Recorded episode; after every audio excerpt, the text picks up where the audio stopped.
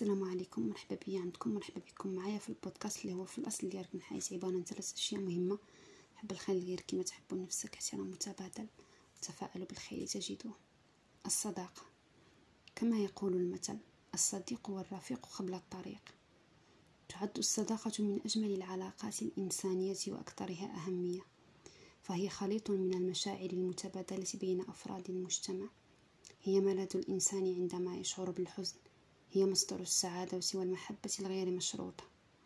إن الصديق بشكل عام يعبر عن شخصية صديقه فإذا أراد شخص أن يعرف تفاصيل شخصيته عليه أن ينظر إلى صديقه.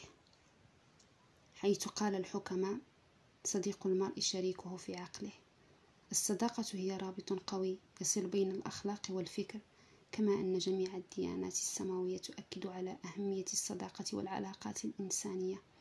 المبنية على أساس المحبة والصلاح لا المصلحة. الصداقة هي هبة عظيمة للإنسان ونعمة أنعم الله بها على بعض الناس.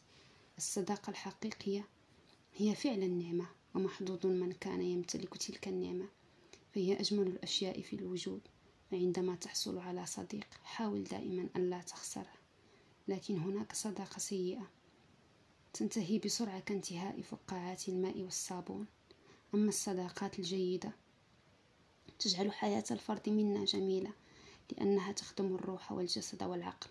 فعليا اكتساب الأصدقاء والعمل على المحافظة عليهم هو أمر مهم في حياتنا وافتقاد الصداقات والعلاقات مع الناس يولد الاكتئاب المرض التوتر والكثير من المشاكل الصحية والنفسية. يجعلك تشعر بالوحدة والجلوس منفردا في عقوبة جسمية ونفسية قاسية. صديقي من يقاسمني همومي ويحفظني إذا ما غبت عنه.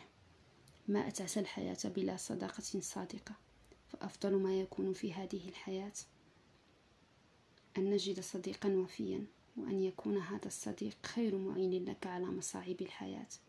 أن تشاركه حزنك وفرحك يقربك من الله والعمل الصالح. من يجعلك تشعر أنك تجالس نفسك ولا يظن بك ظن السوء. سرعان ما يسامحك إذا أخطأت. يلتمس لك الأعذار. لا يخجل من مرافقتك. هو من يدعو لك في غيابك. أن تخبره شيئا دون خوف. لا يتكلف في محادثتك. محادثتك. صادق.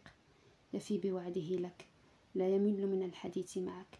لا يفشي أسرارك. لا يخونك ولا يستغلك.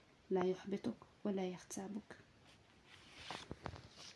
وتبقى الصداقة هي أجمل كنز نحظى به. تذكروا أن بودكاست تفاؤل هو مكانكم وأنا صديقة من لا صديق له. كونوا بخير في أمان الله.